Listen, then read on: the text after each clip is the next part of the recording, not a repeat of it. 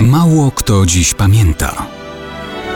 Datownik historyczny prezentuje Maciej Korkuć.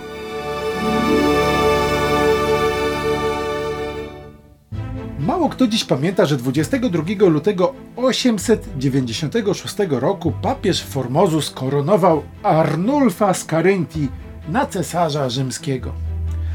Wtedy taki tytuł miał tylko symboliczne znaczenie. Dzisiaj powiedzielibyśmy, władzy nie dawał, ale zasięg medialny zwiększał.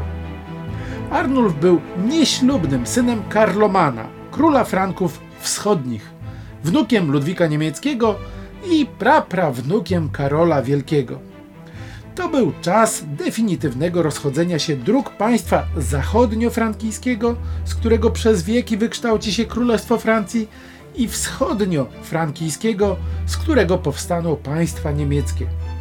Karloman, czyli ojciec Arnulfa, władał Bawarią, potem został królem germańskich Franków Wschodnich, a przejściowo nawet królem Italii. Nieślubny Arnulf po śmierci ojca był tylko księciem Karyntii.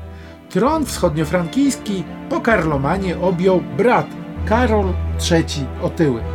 Ten chwilowo nawet zjednoczył niemal wszystkie składniki monarchii Karola Wielkiego, ale germańscy możnowładcy już wtedy nie pragnęli łączności ze zromanizowanymi coraz bardziej zachodnimi Frankami.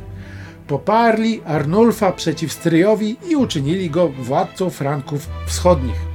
Koronacja na cesarza była umocnieniem i potwierdzeniem jego władzy w świadomości współczesnych i potwierdzeniem ścisłej współpracy z Kościołem. Jako cesarz Arnulf długo jednak nie poszalał. Zmarł po trzech latach na skutek ataku apopleksji.